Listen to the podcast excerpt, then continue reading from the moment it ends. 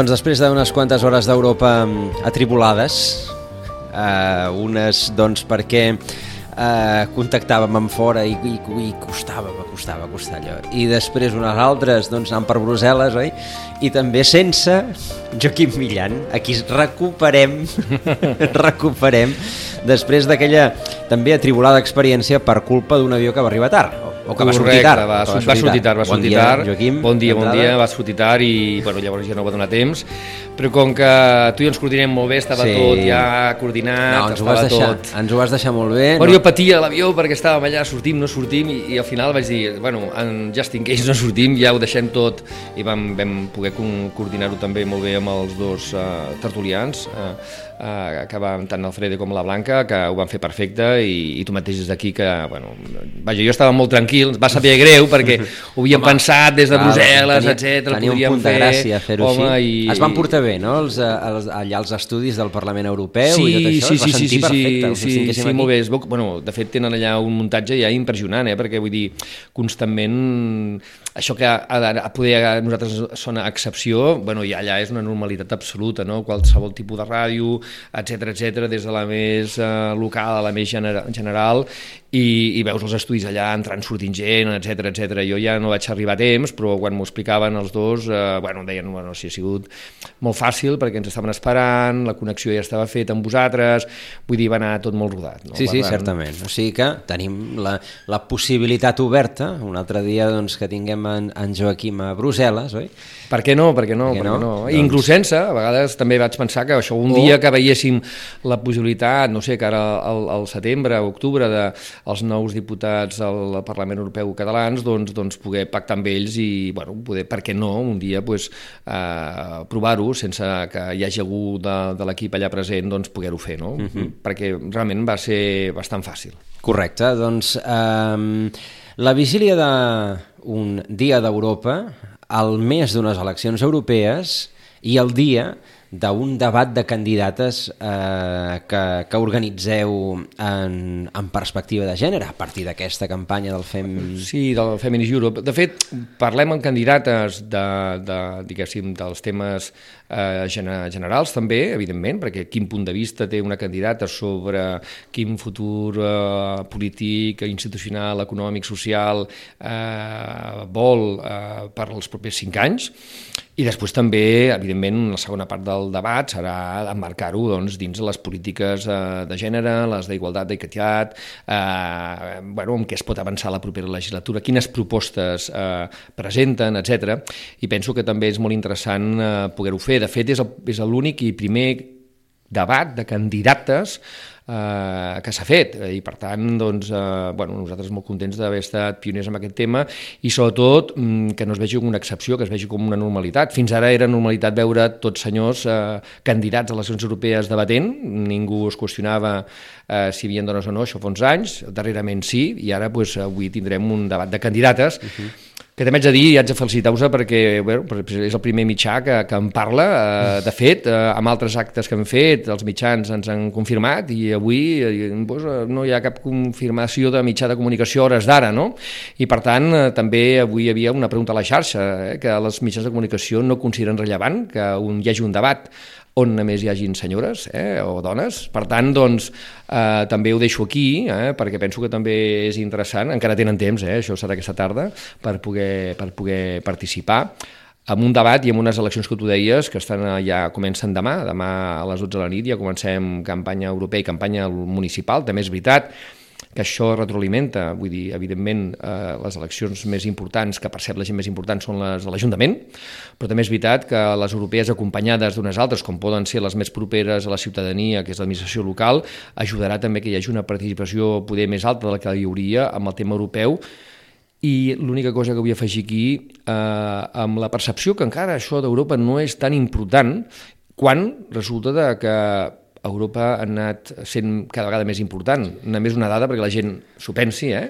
encara té temps també d'anar pensant quin vot i, i, i el 26 de maig és molt senzill, hi ha dues urnes eh, bueno, el 80% de la legislació que després ens està condicionant per a bé i per malament el nostre dia a dia eh, ve d'alguna manera eh, condicionada per decisions que s'han pres a nivell europeu, per les diverses institucions europees.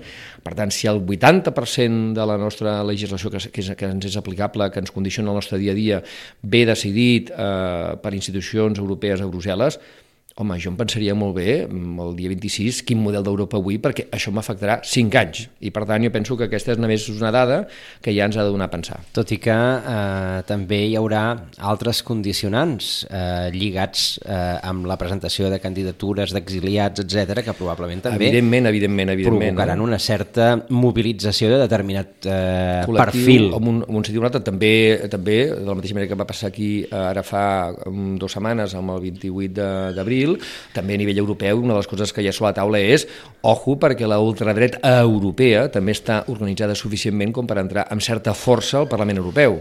Doncs eh, incorporem a la conversa eh, a un dels nostres tertulians habituals eh, en aquest espai, eh, en Xavier Ferrer, president del Consell Català del, del Moviment Europeu. Xavier Ferrer, bon dia.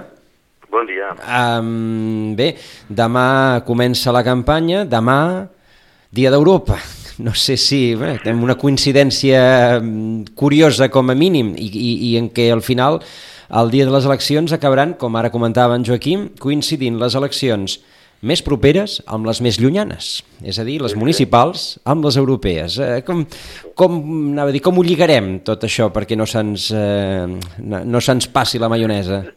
i amb, una, i una, i amb 14 comunitats autònomes, a més a més, ah. les autonòmiques. Correcte, correcte. I, uh -huh. que hi haurà parts de l'Estat que hi haurà persones que hauran de posar tres, tres paperetes, uh -huh. eh, si volen votar totes, que és el que, el que s'hauria de fer, no?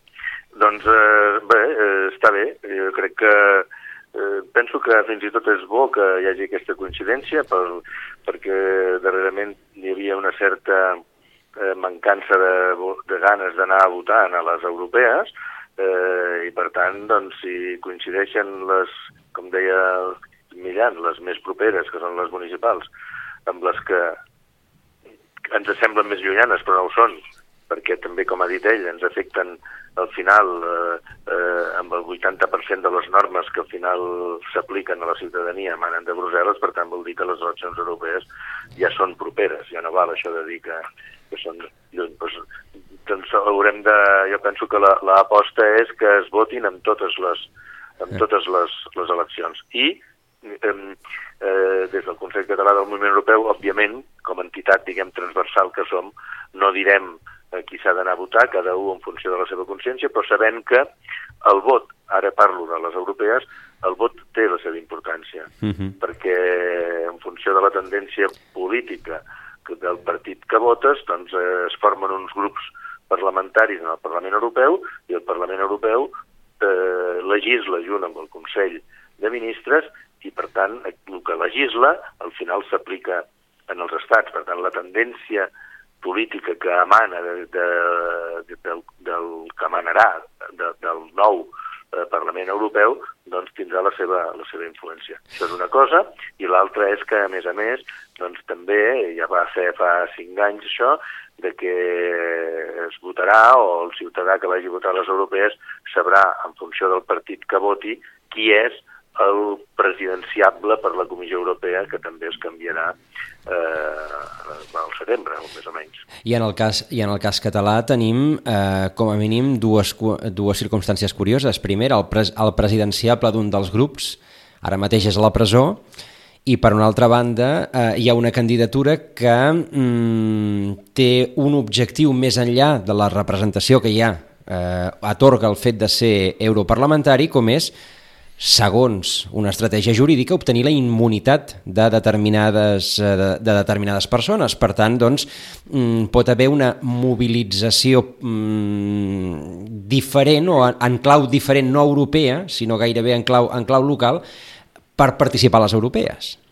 És, és evident que això, de fet, passa, bueno, en el cas català, doncs, eh, amb la situació de país que estem, i, i de les persones que es presenten, unes privades de llibertat o tots privats de llibertat, uns a l'exili i altres a la presó, doncs d'alguna forma, clar, té una incidència té una incidència, és una situació anormal, que, que segur que tindrà que tindrà que alguna, alguna diguem, coordenada que eh, s'intueix doncs, que amb un increment de participació, això, això, això segur. I després d'aquí la lectura que se'n pot fer després, eh, hi hagi o no, si és que se surten elegits, eh?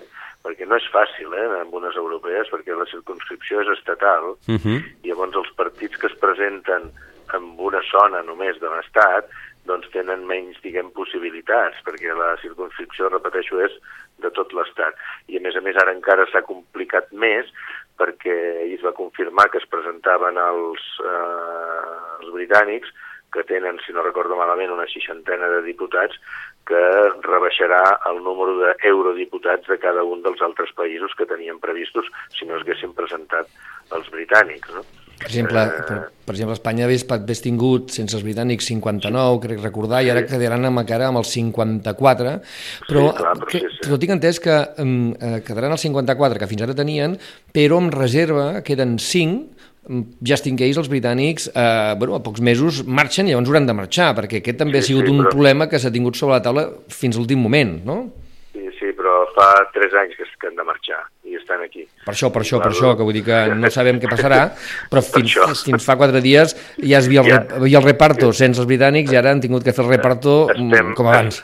Estem, estem amb molts exemples de situacions, diguem, puntuals o momentànies que s'eternitzen, no? Per tant, eh, això bueno, és, una, és una curiositat també europea, no? Hi ha qui deia, eh, si, si m'ho permet, senyor Ferrer, que probablement la participació de, de Gran Bretanya en aquestes eleccions europees acabarà reconfigurant les majories en el si del Parlament Europeu i, per tant, els... Eh, Uh, finalment mm, la tria de uh, tant membres d'institucions, des del mateix Parlament Europeu, la presidència i vicepresidència, com també de la, de la resta d'institucions que, uh, sense la participació dels britànics, doncs les majories es, pla, es preveia que quedessin d'una determinada manera i eh, per eh, que mm, doncs, amb els britànics això canvi perquè probablement Sí. els laboristes tinguin un, un pes superior i no hi hagi extrema dreta, etc.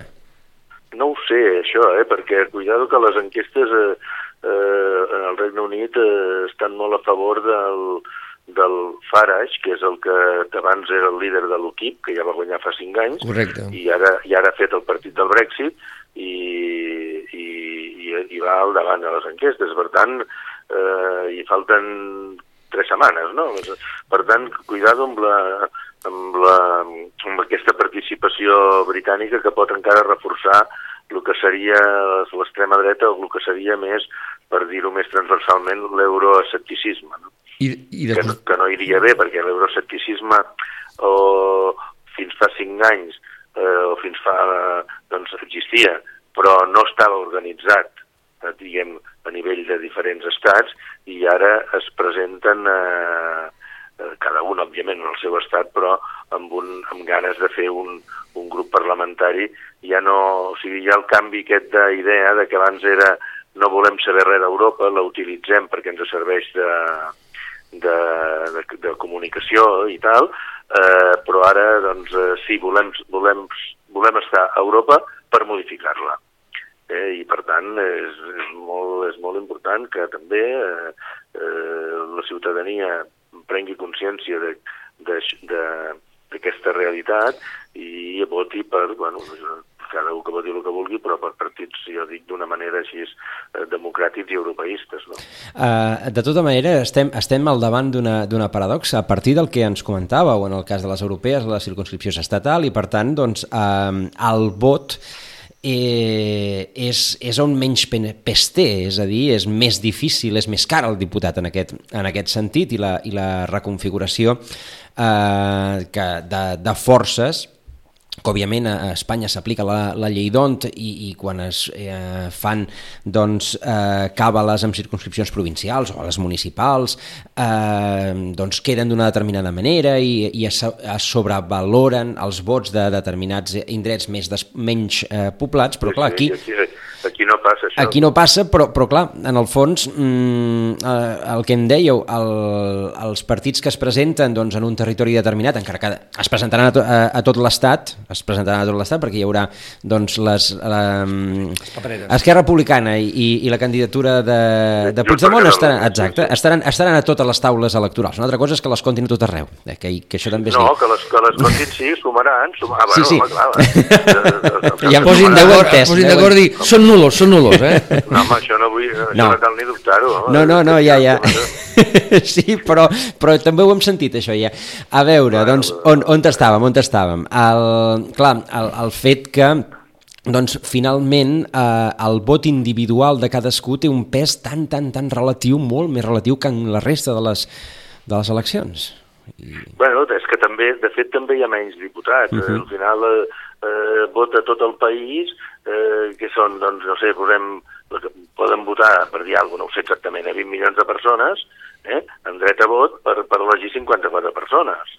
Clar. Enteneu, no? O sigui, que, que, que clar, com estem parlant de, del, del Parlament de Catalunya són 135 diputats, el Parlament estatal són 350, si no m'equivoco. Sí, 350 al Congrés. Aquí, aquí són, aquí són eh, 54, per tant... Uh -huh. Eh, llavors, què passa? Doncs Esquerra fa aquests, eh, mm, aquesta col·laboració amb el BNG i amb no sé quin partit també de, del País Basc i eh, Bildu. això, Bildu, abans, Bildu. Bildu, abans eh, el, eh, el PDeCAT feia l'acord amb el PNB eh, i tal, i que aquest any no s'ha fet perquè estan en dimensions diferents i per tant el Junts per Catalunya es presenta, eh, jo si la informació que tinc és sol. Sí, sí, Sí, sí, de, sí. de moment el que, això és el que es comentava, correcte, que I per tant, els hi han ha- publicat avui, els hi han publicat avui la llista, es veu. Ja, eh, eh, eh, també hi ha una... Ja quedava un dia.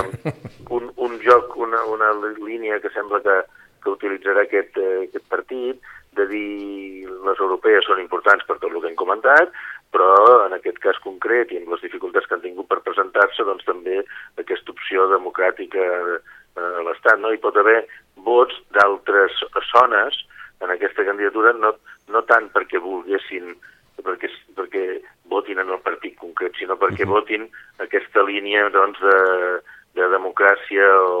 o eh? Eh, Sí, trencadora re- respecte de la, de, del que serien les línies oficials, correcte. Mm, Exactament.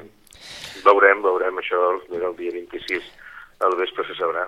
I després també tindrem pressuposadament algunes eh, sorpreses perquè també és veritat que aquí hi ha eleccions eh, juntament amb les municipals i algunes comunitats autònomes i això fa que també hi hagi eh, segurament un increment de, de, de, de participació o hi haurà un increment de participació a les europees que també farà que el vot a les europees sigui diferent al que del darrer que va haver-hi però també és veritat que en molts estats són les úniques eleccions. Hi ha alguns estats que, a més a més, anar a votar és una obligació, altres no, i també sabem que els vots que els partits de l'est fins ara, les eleccions europees, la majoria d'ells no era una participació massa alta. No? Per tant, jo crec que també veurem una mica, no massa sorpreses, perquè al final, al final els grups importants ho són, però pot ser per primera vegada el, diguem, la, la democràcia cristiana i la socialdemocràcia no, no sumin, és a dir, el Partit Popular suficient eh, pel Partit Popular Europeu i a la, als, als demòcrates socialistes europeus no sumin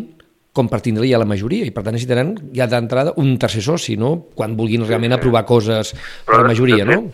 De fet, això és el que ja està passant en els, en els estats. Eh, fa, si mirem enrere fa 10 anys, 15 anys, hi havia bàsicament en tots com una, un partit socialdemòcrata i un partit, el que podríem dir una dreta, no? eh, i, eh, i es, anaven, eren, es anaven, diguem, eh, Tornant. governant Mm, uns mm, els altres, no?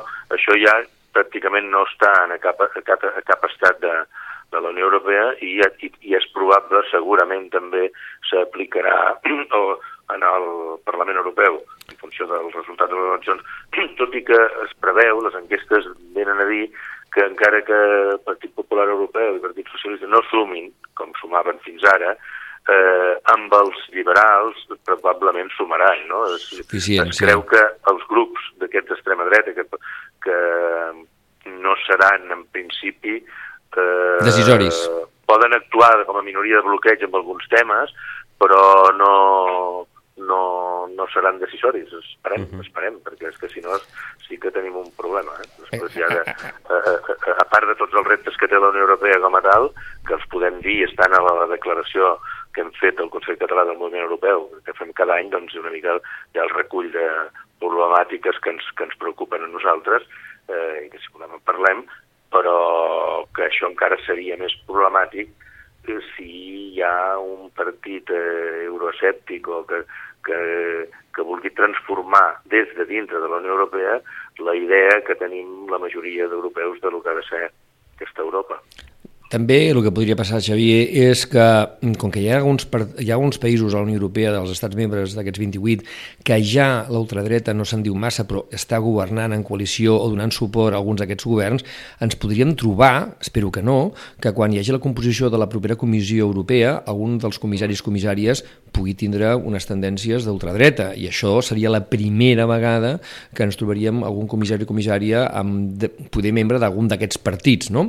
Esperem que no, però aquest és una primera cosa que pot passar, i la segona cosa que pot passar, en quan ara feia l'esment eh, el, el Xavier de, de canviar eh, des de dintre eh, el, diguem, el model d'Europa que fins ara hem tingut i que els darrers temps està trontollant i s'està escardant amb alguns aspectes que perceben la ciutadania que no són en benefici de la pròpia ciutadania, veurem també que, eh, que hi pot passar eh, un doble joc. Els estats ja ho estan fent en tant en quant són membres del Consell, etc i tenen una força real, real dins el que és l'organització interna de, de, que les diferents institucions de la Unió Europea i estan fent aquest canvi. De fet, les coses que han passat els últims temps, moltes d'elles han sigut a conseqüència de decisions que han pres els estats i ara, a més, ens trobaríem amb això que diu el Xavier, seria un doble joc perquè, a més, podria ser que aquests partits, que de moment esperem que només tinguin, com deia el Xavier, aquesta força de bloqueig en algunes qüestions molt puntuals, eh, no tinguin més poder, però llavors també tindríem que des de dintre les institucions i de manera ja democràtica, decidits pels ciutadans i ciutadanes de la Unió Europea a través del Parlament Europeu, tinguéssim aquesta tendència que ja veiem que darrerament doncs, és una mica el que està passant. No? Jo a mi, per això em preocupa molt i penso que, com deia també la declaració del Consell Europeu, eh, ara més que mai, això sempre es diu, ja sé que queda una mica, però pues, aquesta vegada van serios, eh? aquesta vegada més que mai ens estem jugant amb quin model anem, és a dir, continuem amb aquests últims anys que no ens acaben d'agradar o tornem a la Unió Europea d'abans on semblava ser, o la percepció de la ciutadania era, que la ciutadania europea era, diguéssim, l'eix principal d'aquesta Unió Europea, no? I jo crec que aquí és on hem d'anar. Sí, sí, no, és així. I a més, eh, respecte a les eleccions en concret, normalment el que sí que va a votar és el que està motivat. Eh, el que té, i llavors se, se sap que el que és l'extrema dreta, el que ets dit, estan motivats per anar-hi la gent. I per tant vol dir que la ciutadania, que moltes vegades es queda a casa perquè la majoria va dir, total, per el que serveixen aquestes eleccions, ha d'anar a votar, perquè si no, al final, si no hi vas, guanya el que, el que, el que hi va. Uh -huh. No és així. Respecte a un comentari que respecte a, la, a el que deia Quim, que és veritat, que poden, poden, hi ha alguns països que poden proposar algun comissari, eh, diguem, de, de l'extrema dreta, eh, i això també pot passar en el Consell de Ministres, perquè, com has dit també molt bé, hi ha nou, concretament, estats de la Unió Europea que ja tenen aquests partits en el govern. Però respecte en el, en el comissari, sabem que els comissaris, abans de ser nomenats, han de passar un examen, per dir-ho així, en el, en el Parlament Europeu. I hi ha hagut ja dos casos de que un per motius de gènere i l'altre per motius, no me'n recordo exactament, però... Que econòmics, econòmics. No, econòmics, que se'ls ha bloquejat. Eh, clar, una cosa és bloquejar-ne un o dos i l'altra és eh, cinc, cinc o sis, no? Mm -hmm. perquè clar, al final, d'alguna forma, d'alguna forma, aquí estem parlant d'aquests partits com si la ideologia que tenen però han, han estat votats pels ciutadans, entens? Uh -huh. o sigui que és difícil de, de, de dir que no, que no se'ls vol, no? Perquè per... no és que vinguin imposats, sinó que venen votats pels ciutadans.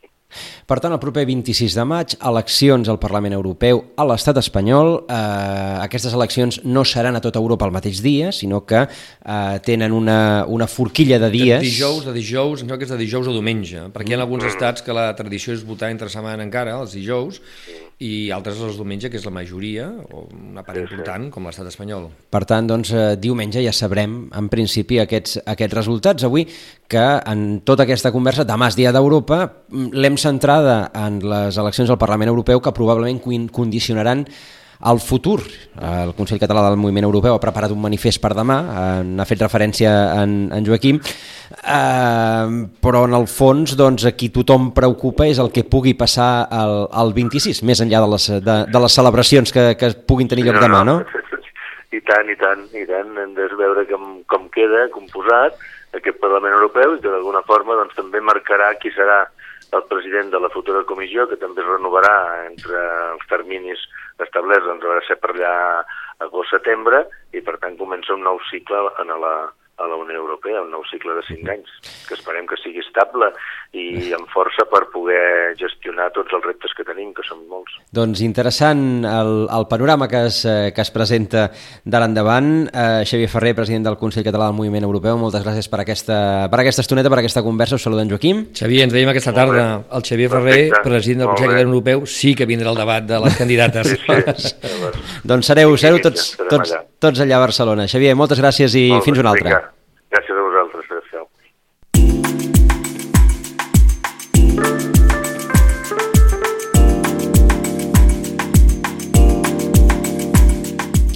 Doncs on és el debat?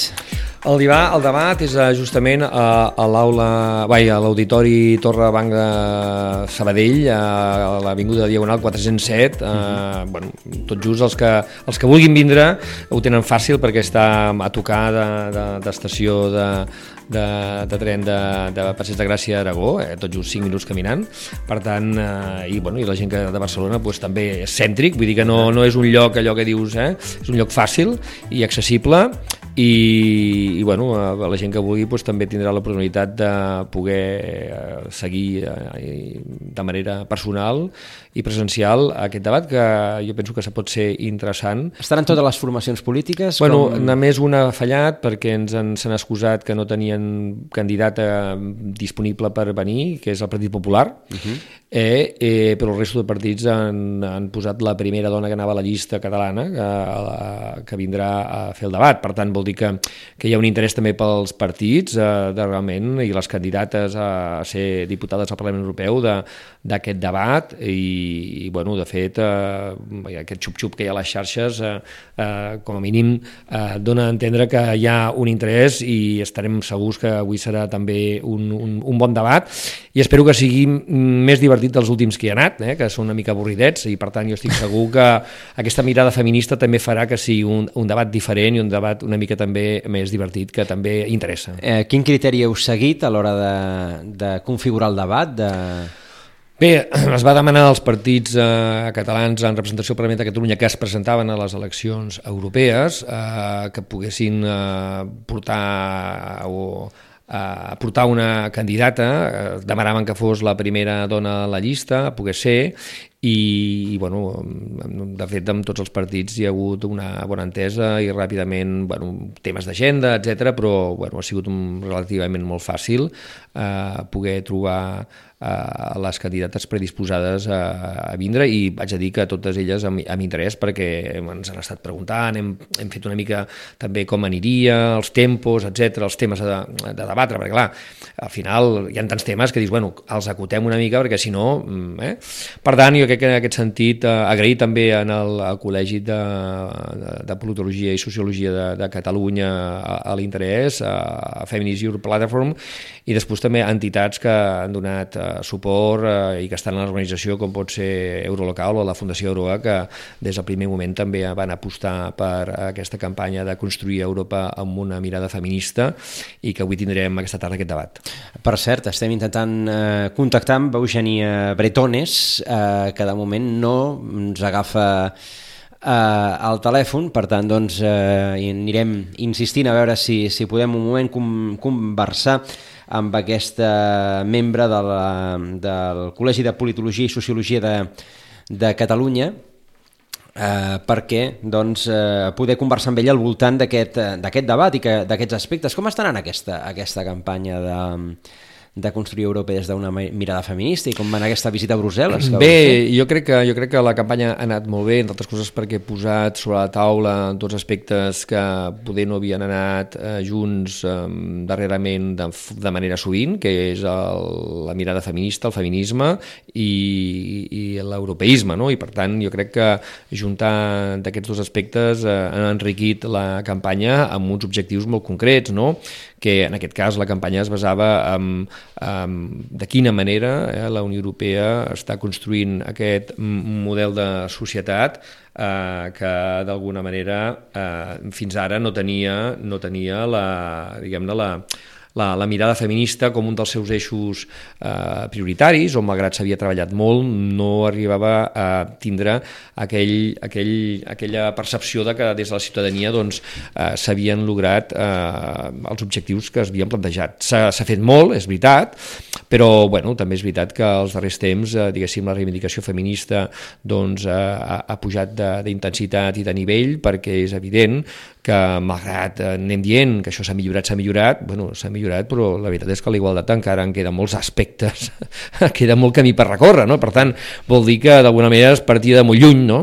I a vegades, malgrat aquests avenços, eh, pues es magnifiquen, però també quan te'ls mires de manera mm, objectiva dius, home, mm, sí, no, no, no cal desmereixer-ho perquè s'ha avançat, és veritat, però bueno, mm, també és veritat que encara queda molt per fer i bueno, encara queda recorregut. Jo a més penso que no és franc només la reivindicació feminista, sinó que penso que la mirada feminista és important perquè és complementària i a més a més mm, sense ella les coses no, no acaben de ser completes, no? Per completar una societat té que haver-hi totes les mirades, no? La, eh, també també les mirades de la gent gran, la mirada de la gent jove, eh, perquè totes aquestes mirades sempre sumen, són valor afegit i sempre enriqueixen i el resultat sempre és molt millor.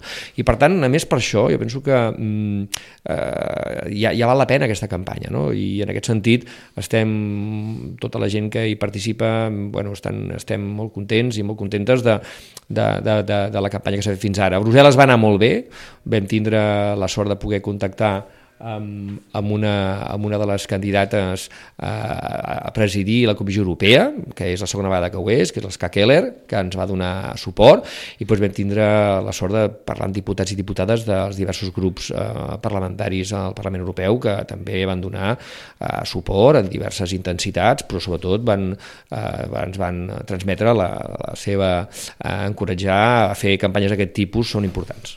Doncs eh, podrem saludar ja en aquest, eh, en aquest punt a Eugènia Bretones, que és membre de la Junta de Govern del Col·legi de Politologia i Sociologia de, de Catalunya i que també, doncs, amb en Joaquim, eh, coorganitza aquest debat de candidates a les eleccions europees 2019. Eh, senyora Bretones, bon dia. Hola, bon dia. Um, a veure, uh, un, debat, un debat entre dones uh, presenteu aquesta, aquesta tarda. Um, què, a veure, quin és el fet diferencial mm, que pot eh, comportar doncs, assistir a un debat entre polítiques?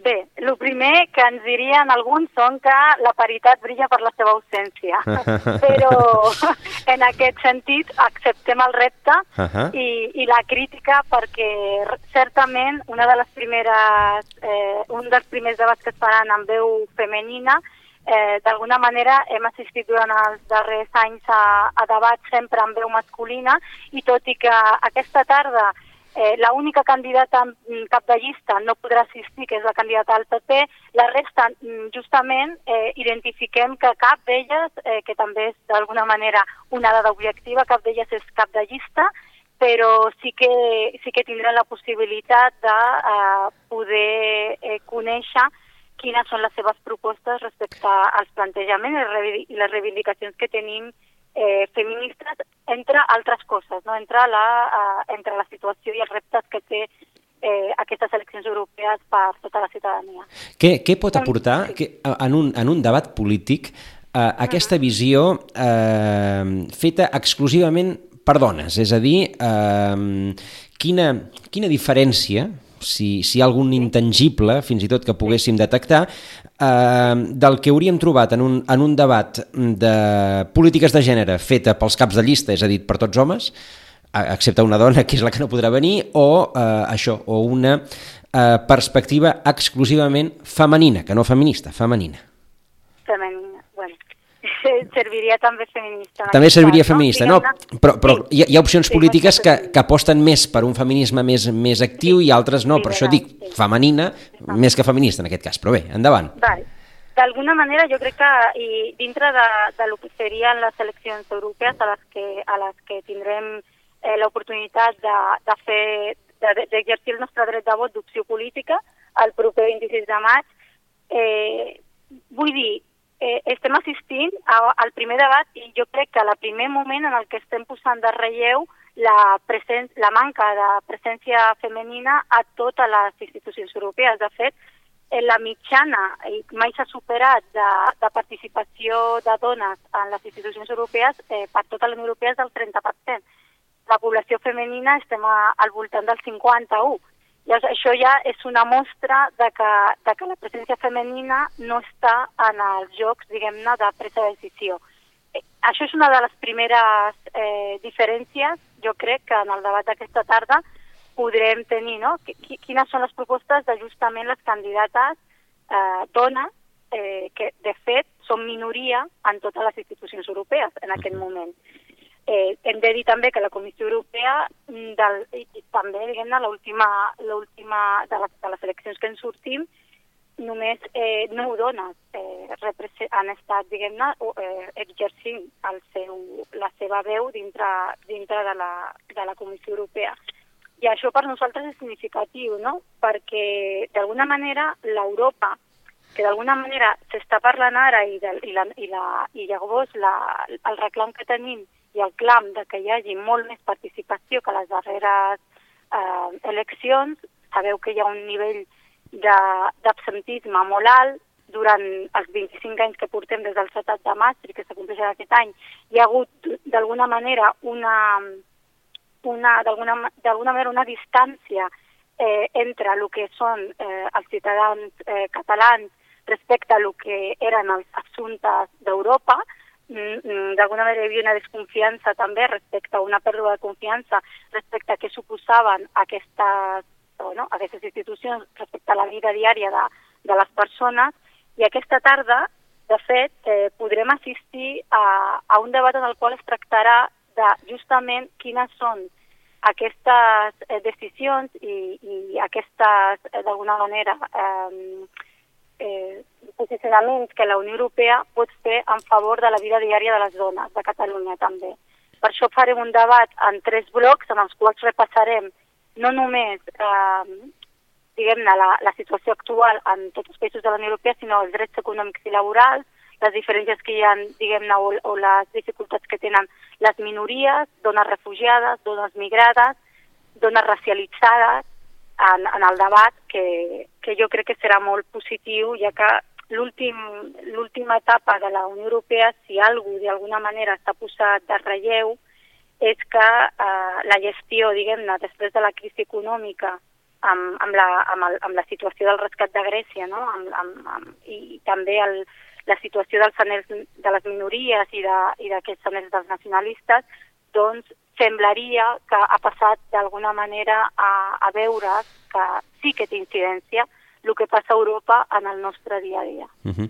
les, eh, les dones que assistiran a aquesta, a aquesta sí. tarda al debat són eh, sí. membres de les diferents candidatures i, per tant, sí. en el fons, representants també de, de determinats programes polítics que representen cadascuna de les formacions polítiques a les quals representen elles mateixes. Eh, fins a quin punt les dones, que com heu comentat són minoria en el procés de presa de decisions de la Unió, que és un club d'homes, això ens ha quedat molt clar de sempre, eh, tenen influència a l'hora d'orientar eh, aquests programes polítics que després són els que utilitzen les formacions polítiques per presentar-se legítimament a les eleccions. És a dir, fins a quin punt aquesta mirada femenina, o feminista en molts casos, eh, condiciona eh, doncs, el programa eh, que després acaben eh, votant els, els ciutadans. O si doncs, eh, al final mm, diguem ja tothom va per la inèrcia, a veure com...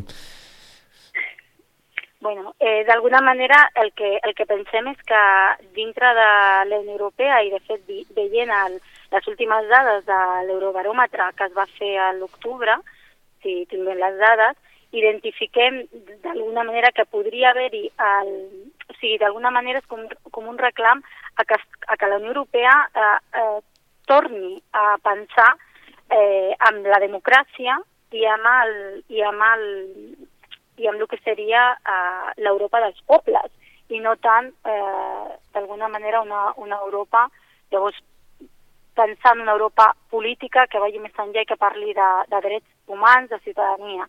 I nosaltres pensem que mm, el, el fet de que elles participin, el fet de que la, la reivindicació feminista formi part de, també de l'agenda de les eleccions i, i, i es pregunti justament a les candidates de partits, pot servir d'alguna manera per incorporar aquesta perspectiva de gènere, si més no, en aquells debats que es tinguin a, en els processos de la Unió Europea, tant des del punt de vista d'incorporar-los de manera transversal a les polítiques públiques que, que s'hagin de, de fomentar, com per la part de fer de, de controlador o almenys de, de vetllar perquè allò que s'aprova a, la, a la Unió Europea doncs, eh, els estats membres ho incorporin, no? perquè d'alguna manera eh, és l'única instància que pot fer una mica de, de, de cura de que no es, es perdin no, les, el que seria el projecte polític de la Unió Europea no? i d'una Europa dels pobles i una Europa eh, que tingui en compte la ciutadania tenint en compte que hi ha, eh, hi ha des de visions molt conservadores fins a, fins a visions doncs, molt d'esquerres, diguem-li com, eh, com vulguem, eh, aquesta mirada també és diferent, és canviant, no és una mirada unívoca. De, està, és, estem d'acord. Uh -huh. Hi ha una, unes mirades que posen l'accent més en el que seria l'empoderament de la dona, eh, les posicions d'alguna manera que han de tenir o les regulacions que han de tenir els, les empreses i els, o sigui, els consells d'administració de les empreses, les institucions europees, vull dir, d'alguna manera eh, complir quotes eh, o tenir llistes cremallera per intentar que, que les dones també estiguin representades en totes les institucions i, i sectors, però també n'hi ha d'altres que, que posen l'accent no? eh, a nivell de l'ús social, no? de les polítiques socials, i les polítiques econòmiques, o sigui, el que serien les polítiques de foment de l'economia i, la, i el que seria també la, la, la gestió i la, de les, de, dels problemes de les minories. El que, el que sí que està clar és que arran de, de, de, les, de l'última, mm, bueno, dels, de l'última dels últims cinc anys hem pogut, eh, eh, jo crec que hem, hem estat eh, poguent auditar què era Europa i què podia fer Europa, tant des d'unes posicions de dretes com d'unes posicions d'esquerra. I el que també veiem és que aquesta Europa, si fem cas a, a les dades que surten de l'Eurobaròmetre, eh, està bueno, preveient una hipòtesi de que per primer cop el ter, eh, el, el ter, un terç d'escons d'aquest nou Parlament que votarem el proper 26 de maig pugui estar eh, representat per euroscèptics i forces d'ultradreta o d'extrema dreta. Això jo crec que sí que vincula a totes les forces polítiques en funció de, de lo que seria el projecte inicial d'Europa de drets humans en quan no hi hagi retrocés eh, en quant a, a les llibertats i els drets que hem anat assolint. Doncs eh, interessant a veure mm, finalment què acaben decidint els ciutadans el proper 26 de maig. Estem a punt de tancar. Eh, us saluda, que no ho ha fet encara, en Joaquim Millan. Bé, és que com que pobre tenia poc temps i deixat, li deixat parlar amb ella, que pogués a, eh, a dir el que tenia que dir, que de fet jo, la, jo li vull agrair molt perquè avui una de les coses que sempre diem, en general i específicament amb els temes europeus, és que hi ha man, manca pedagogia i a mi la intervenció de l'Eugènia ha estat eh, en aquest sentit eh, excel·lent perquè ho ha explicat molt bé i és una llàstima que només ho podem fer quan hi ha eleccions europees, hauríem de fer molt més sovint, explicar com funciona Europa, etc etc perquè realment eh, és un quart nivell molt important que, com dèiem abans, decideix aquest 80% de les nostres vides i en aquest sentit jo agrair la feina que fan des del Col·legi de, de Politologia i Sociologia de Catalunya i l'Eugènia amb que és tot l'àmbit de, de la igualtat de gènere dins del col·legi perquè realment doncs, eh, jo, jo estic aprenent molt al seu costat. Moltes gràcies, Eugènia. Moltes gràcies, Joaquim, per l'oportunitat i a Ràdio Maristel per, per poder participar del debat uh mhm. -huh. i animem tots a, a això, a, a que, a que s'informin de, de què ens juguem el proper 26 de maig i com incideix la Unió Europea en els nostres dies, a passar de que tenim altres, eh, altres eleccions també aquell dia més local, Sí. no perdre de vista que, que la Unió Europea marca molt del nostre dia a dia i també del, de, lo, de les oportunitats que tindrem les dones en el futur. Doncs Eugènia Bretones, moltíssimes gràcies. Gràcies. Uh, Joaquim, Una abraçada ben forta, ens veiem aquesta tarda. Una abraçada. i a tots vostès, doncs ho deixem aquí. 5 minuts, uh, judici i més coses. Fins ara. Al matí amb nosaltres.